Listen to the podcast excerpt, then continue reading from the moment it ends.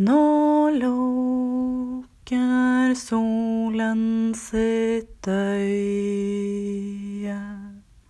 Snart lukker jeg også mitt. O Fader i det høye, du lukker aldri din. Du ser hver stjerne på himmelen, og hvert et barn på jord. Du hører høyt fra vrimmelen de sakte bønnens ord. Hei, alle sammen. Dette er Ida Jackson, og du lytter til første episode av Pinlig pilegrimsferd. Sangen du akkurat hørte, er første vers av den nattasangen jeg vokste opp med, Nå lukker solen sitt øye. Det var den moren min sang for meg hver kveld hele oppveksten min, og så moren hennes sang for henne, og moren hennes sang for henne igjen. Og grunnen til at jeg åpner denne podkasten med denne sangen, handler om at det var sangen som satte i gang min store indre omveltning knyttet til hvordan jeg skulle forholde meg til kristendommen. Og jeg merker når jeg snakker inn i mikrofonen, at jeg blir litt flau bare jeg sier ordet kristendom. Fordi en av de tingene jeg gjorde da jeg flyttet for meg selv og ble meg selv, og ble en ung voksen, og som var en av de største prosessene i mitt liv, det var virkelig en sånn ja, både indre, ytre, sosial, identitetsmessig revolusjon, det var å slå opp med religionen jeg har vokst opp med. Og det føltes ikke bare riktig, det føltes godt. Det var en av de tingene jeg har gjort for meg selv som har gjort meg minst sprø. Jeg har en tegning av meg selv kliss naken, hvor jeg virkelig sånn lyser av glede. Og tegningen heter 'Å skjønne at denne kroppen ikke er syndig'. Og det er mange ting som var godt med å slippe kristendommen, men det er en av de tingene som virkelig var sånn inni beinet, under huden, inni margen. Å kunne gå fra et sted hvor jeg var skittent, syndig kjød som måtte tilgis, til å kunne være en vidunderlig levende kropp i verden. Og så er det likevel sånn, da, at religion, når man er en voksen, barnløs person, det er en sånn ting man kanskje snakker om ja, noen ganger i politiske debatter, noen ganger på sosiale medier, noen ganger når det nærmer seg høytider, noen ganger i sånne brisende fyllediskusjoner hvor noen f.eks. skulle slumpe til å si at de fortsatt er katolikk, og du kjenner en sånn indre klø etter at dette, ja, dette blir tidspunktet for å snakke om abort. Og på den andre omvendte siden at det er et sånt tema som kan komme opp når man har diskutert abort, og du ikke kan skjønne hvorfor noen skulle være mot abort. Og så kommer det selvfølgelig en religiøs forklaring. Men ting er annerledes det øyeblikket du blir forelder. Fordi foreldre, på godt og på vondt, forteller den første fortellingen om verden til barna sine. Og når vi gjør det, så bringer vi også med den fortellingen vi selv ble fortalt som barn, og med oss hele tradisjonen vi står i. Og noe av det vanskeligste for meg når jeg sto der med den bitte lille nyfødte babyen min i armene, var hvilke sanger tillater jeg meg selv å synge for denne babyen? Og de første seks månedene sønnen min levde, så prøvde jeg krampehardt å bare synge sekulære og ateistiske nattasanger. Jeg gikk rundt på gulvet med en skrikende baby, og jeg sang og mann gikk seg vea skog, hei fara i vea skog. Så satt det ei kråke i lunden og gol, hei fara. Falturilturaltura. Og det var ikke det at det ikke funka, og det var veldig perioder veldig tilfredsstillende, fordi for de dere som kan denne sangen ordentlig, så vet dere at den har veldig, veldig mange vers. Og det var en slags tidsmarkør at OK, nå sovnet ungen mellom stoveglass og møkkagreip. Det er en slags indikasjon på hvor lang tid jeg bruker på å få dette beistet til å sovne. Men det føltes ikke godt, og det føltes ikke riktig, og jeg kjente inni meg hvilke sanger jeg egentlig hadde lyst til å synge. Nemlig de som føltes som mine.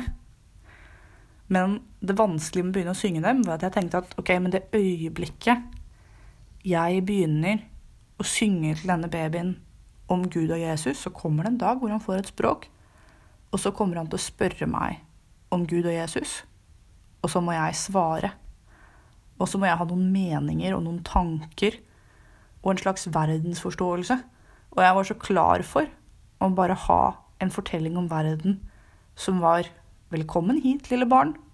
Dette er alt som er. Det du ser, er det du får.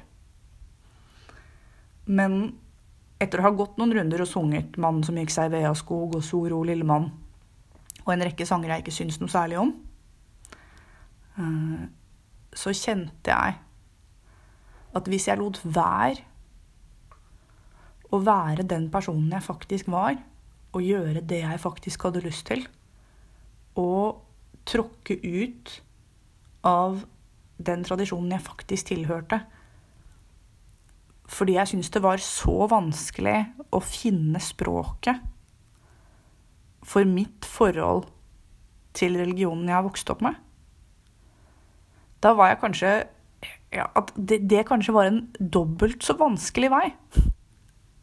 Så gradvis, gradvis begynte jeg å synge de sangene jeg var oppvokst med, og gradvis, gradvis veve inn de praksisene og de tradisjonene som for meg var det det var å være et kristent lite barn. Denne podkasten du hører på nå, den handler om å finne det språket jeg ikke syns at jeg hadde. Og for å utforske dette pinlige og kleine rommet som er ikke bare å snakke om åndelighet, eller å snakke om spiritualitet, eller å snakke om religiøsitet, eller om tro, eller om livssyn. Nei, her vi skal snakke om alle disse tingene, men vi skal også snakke om du, du, du, den pinligste formen for tro, religiøsitet, livssyn og åndelighet av alle, nemlig den som er en så stor del av sosialdemokratiet, en så stor del av hvordan landet vårt ser ut, og nasjonaliteten vår ser ut, og litteraturen vår ser ut, og kulturen vår ser ut. Den er dedikert å snakke om disse tingene med utgangspunkt i, i at jeg er vokst opp veldig kristent, og at mange her i landet er vokst opp med ganske mye kristendom pakket inn rundt seg og inni seg. Og tingen er at da jeg sluttet å være kristen og skrev mange tekster om dette på bloggen min, og ble medlem i Humanitisk Forbund og begynte å skrive i Humanitisk Forbund, så var denne friksjonen mellom å ta kristendommen ut og finne en måte å sameksistere med kristendommen på, den var der egentlig hele tiden. Jeg husker veldig godt en av de første tekstene jeg skrev til Fri Tanke, som var Humanitisk Forbunds medlemsblad. Et veldig bra blad og en veldig hyggelig redaksjon og en fin opplevelse på alle mulige måter. Men etter at jeg hadde levert den første teksten min, så sa redaktøren til meg litt sånn Ida, du vet, du bruker jo en del um, banneord. Ja, sa jeg. Det gjør jeg i teksten. Ja, det er sånn at en del av våre medlemmer forsøker å kvitte seg med et språk med religiøse konnotasjoner til f.eks. Ja, at de ikke vil si faen eller herregud eller noe sånt noe. Så det er jo ikke for å si at du ikke får lov til å skrive det, men det er jo en ting du kan gjøre deg en betraktning rundt. Og så tenkte jeg ha, ja. Her har jeg gått 18 år av en oppvekst og vært så forsiktig med å ikke banne. Og ikke misbruke Herren min Guds navn. og ikke påkalle den onde selv når jeg slår tåa. Og så, når jeg har sluttet å være kristen og beveget meg over i det absolutte ikke-kristne stedet, så skal jeg fortsatt ikke få lov til å banne. Fordi det er å anerkjenne at de sterkeste kraftuttrykkene som er i vår kultur, er knyttet til denne religionen vi helst ikke vil ha noe å gjøre med.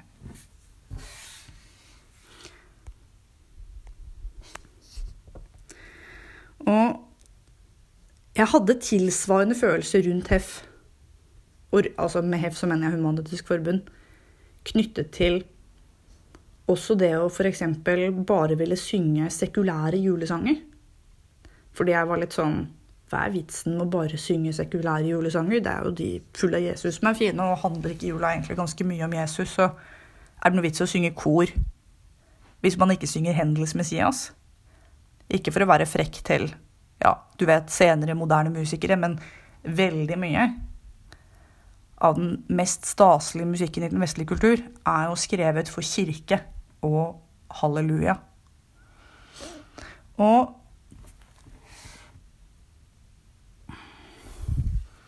samtidig så er det jo sånn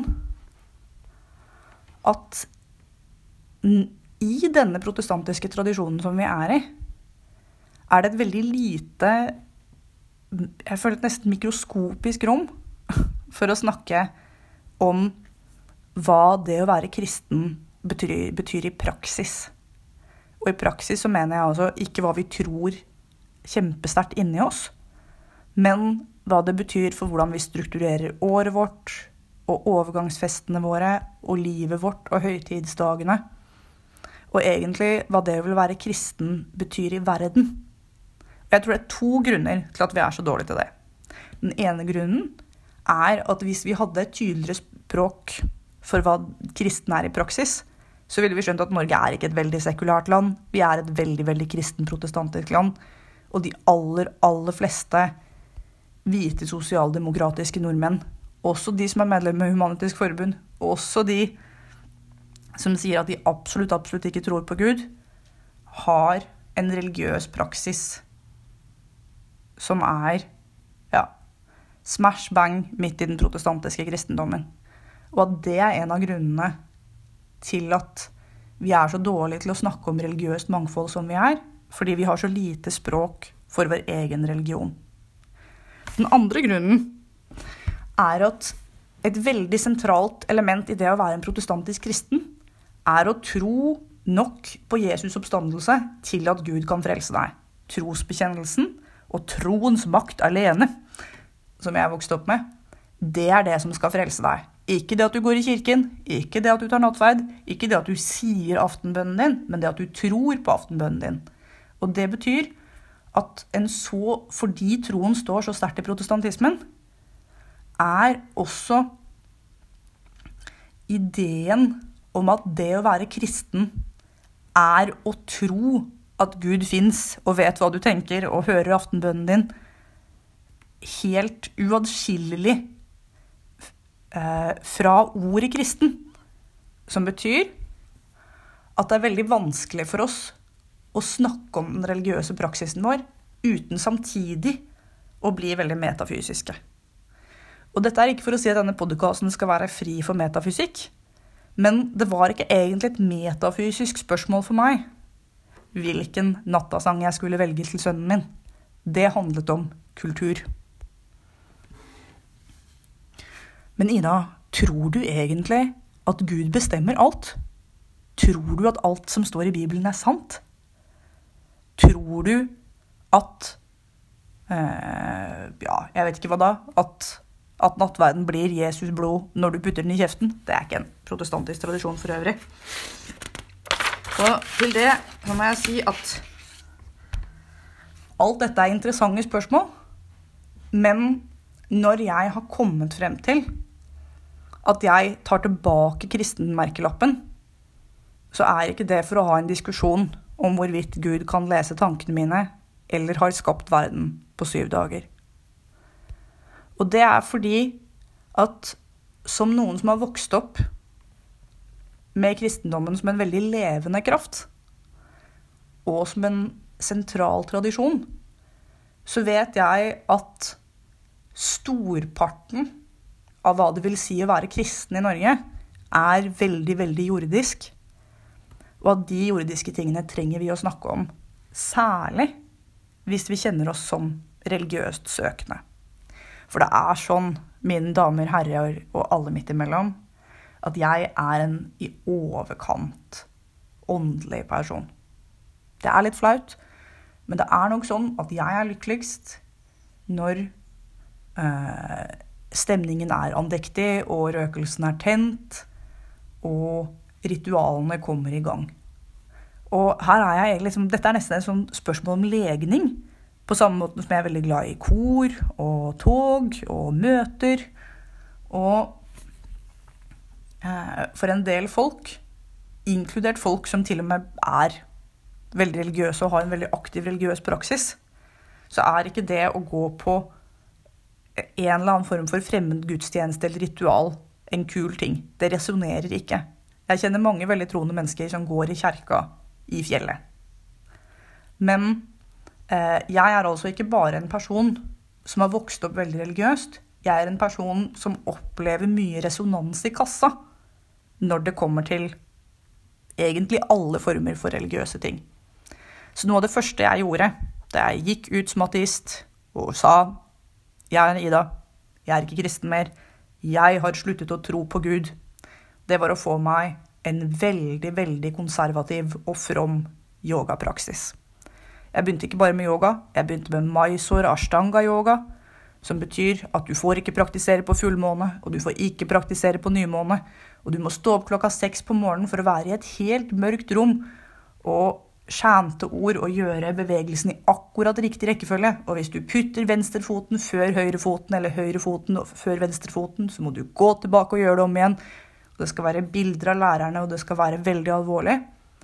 Og jeg brukte ganske lang tid før jeg ville anerkjenne for meg selv at denne yogapraksisen, som jeg bare beskrev som trening, veldig viktig, sunt og bra for ryggen, fylte ganske mye av mitt store åndelige søkende rom.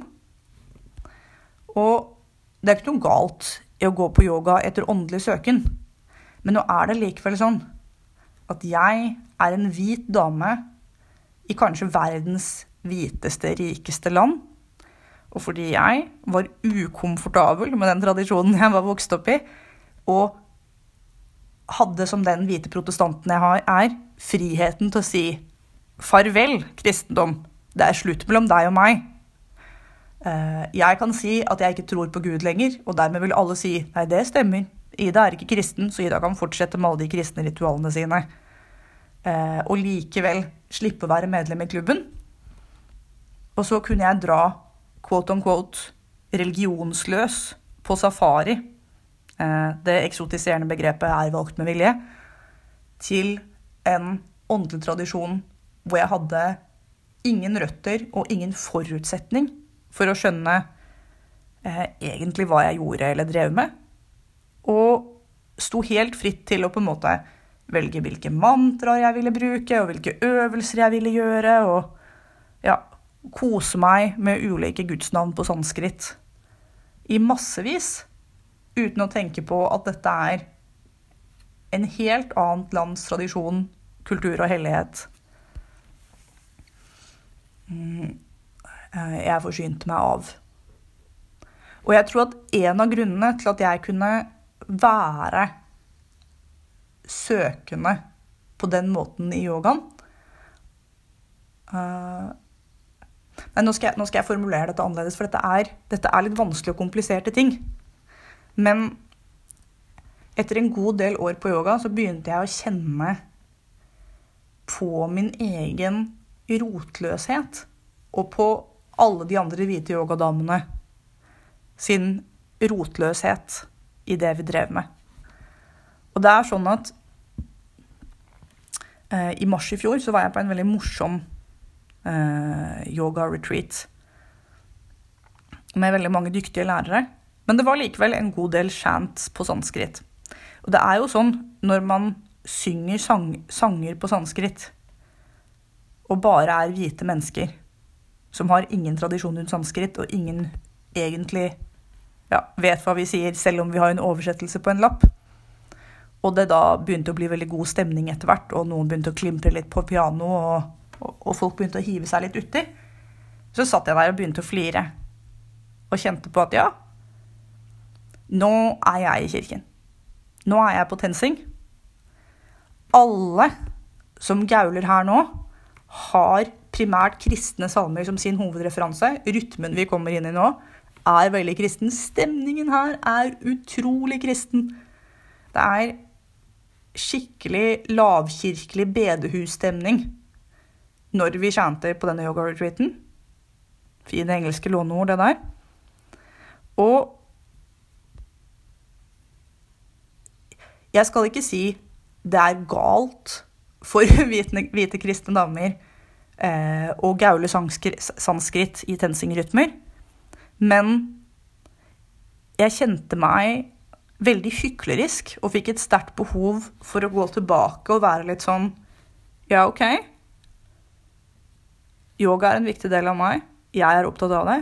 Men jeg er simpelthen nødt til å sjekke at jeg er i kontakt med min egen rotsystem og min egen tradisjon. Fordi kristendommen kommer. Og kristendommen er med oss uansett. Eh, selv om vi ikke har lyst til å ha den med eh, på yogacamping. Og dette er jo for da også for å si at Pinlig pilegrimsferd er en politisk podkast. Jeg mener sterkt og ekte og på ordentlig at noe av det som gjør Norge til et så hvitt og rasistisk land, er det at vi på én side er veldig, veldig sekulære, syns vi selv, og samtidig utrolig konservative protestanter. Helt uavhengig om vi tror på Gud eller ikke. Og når hele landet hver jul har masse sånn underliggende rare diskusjoner knyttet til er det egentlig greit å la være å tenne juletre. Samtidig er det egentlig også greit hvis alle barn må gå i kirken uansett. At eh, vi vil veldig gjerne være en del av tradisjonen vår, men vi vil ikke helt snakke om Gud likevel. Jeg tror at denne berøringsangsten gjør at Sylvi Listhaug med kors rundt halsen er et så potent symbol som hun er, og at høyreekstreme krefter i hele Europa kan trekke på den kristne tradisjonen som de kan. Og det er dessverre sånn, eh, for de av dere som ikke vet det Det kan jo være noen av dere hører på denne podkasten uten å ha blitt introdusert til meg før, men det er altså sånn at jeg er forfatter. En av bøkene jeg har skrevet, heter 'Morfar Hitler jeg', og handler om egentlig hvordan min familie var nazister under andre verdenskrig. Ikke litt nazister, men sentrale og veldig ideologiske rasister. Så du hører jo med at jeg er mer enn gjennomsnittlig opptatt av høyreekstremisme og hva det er. Og det er dessverre sånn at veldig, veldig mange av de jødene som ble drept under holocaust, ville ikke ut fra en norsk protestantisk sammenheng blitt kalt for jøder i det hele tatt. Det var ingen som spurte om de trodde på Toraen. Det handlet rett og slett bare om hvilken tradisjon de var født inn i, som gjorde at de ble forfulgt. Og sånn er det fortsatt. Tilsvarende er det sånn at storparten av landets muslimer, helt uavhengig av hva de i hermetegn skulle tro på, blir introdusert som sekulære muslimer eller ikke-praktiserende muslimer eller praktiserende muslimer. Og uansett hvor stor avstand de tar til egen bakgrunn, er de i en norsk kontekst alltid en muslim, på samme måte som en katolikk, uavhengig av hvor lite de quote on quote tror på paven, eh, forblir katolikker i vår protestantiske kontekst. Det er bare protestanter som får lov til å slutte å være protestanter i dette landet. Så for meg å beskrive meg selv som kristen er både å være solidarisk og for å forsøke å unngå å være rasistisk når jeg tramper inn i andre lands og andre folkeslags eh, religiøse bakgrunn. Og eh, Ja. Eh, men også fordi jeg mener at de tingene som jeg er interessert i å kritisere i kristendommen, som jeg fortsatt er, er det mer relevant om jeg kritiserer innenfra og anerkjenner at jeg faktisk står midt inni den tradisjonen. Og så er det sånn at et annet mål for denne podkasten er å finne et språk for denne nytelsen og for det sublime. Og for å kunne ta med ja, all varmen og gleden og tingene jeg har satt pris på med kristendommen i egen oppvekst, uten å måtte si fordi jeg er usikker på om jeg tror at det fins en Gud som hører alt jeg sier, eh, og hører alt jeg tenker, og er allmektig og har skapt alt, så kan jeg ikke få lov til å viderebringe det beste i min oppvekst til mitt barn.